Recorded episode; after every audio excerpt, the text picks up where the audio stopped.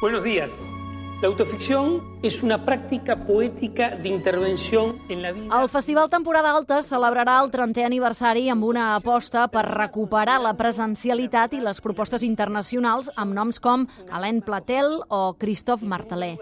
Un centenar d'espectacles d'una programació que impulsa també les coproduccions i la dramaturgia catalana, amb els nous espectacles de dramaturgs com Àlex Rigola o Clàudia Sadó. Anem cap a Girona. Maria Rovira, bon dia. Bon dia, sí. Una aposta per la internacionalització i les coproduccions que resumeixen a l'espectacle inaugural el 8 d'octubre, una versió d'Oncle Vània de Chekhov dirigida per el lituà Òscares Korsunovas, amb actors catalans. El director del temporada alta, Salvador Sunyer, destacava la importància d'aquests eixos. La internacionalització, que no vol dir solament solament programar espectacles internacionals, sinó que vol dir cada vegada més intentar que el festival, la ciutat, el país nostre, siguin un lloc de trobada del teatre internacional.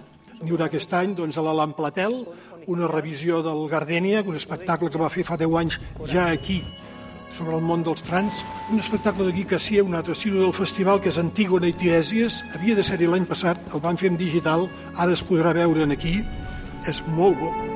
També s'hi estrenaran la nova producció d'Angèlica Lidl, Terebrante, sobre el món del flamenc, o Bros, de Romeo Castellucci, sobre la submissió al poder. De fet, segons Salvador Sunyer, els recursos per celebracions específiques del 30è aniversari s'ha preferit concentrar-los a una programació potent, amb un 60% de producció catalana i amb estrenes com les d'Ofèlia, el nou projecte d'Àlex Rigola, Els àngels no tenen fills, de Clàudia Sadó, o 100 dies i 100 vides de Ferran Joan Miquel.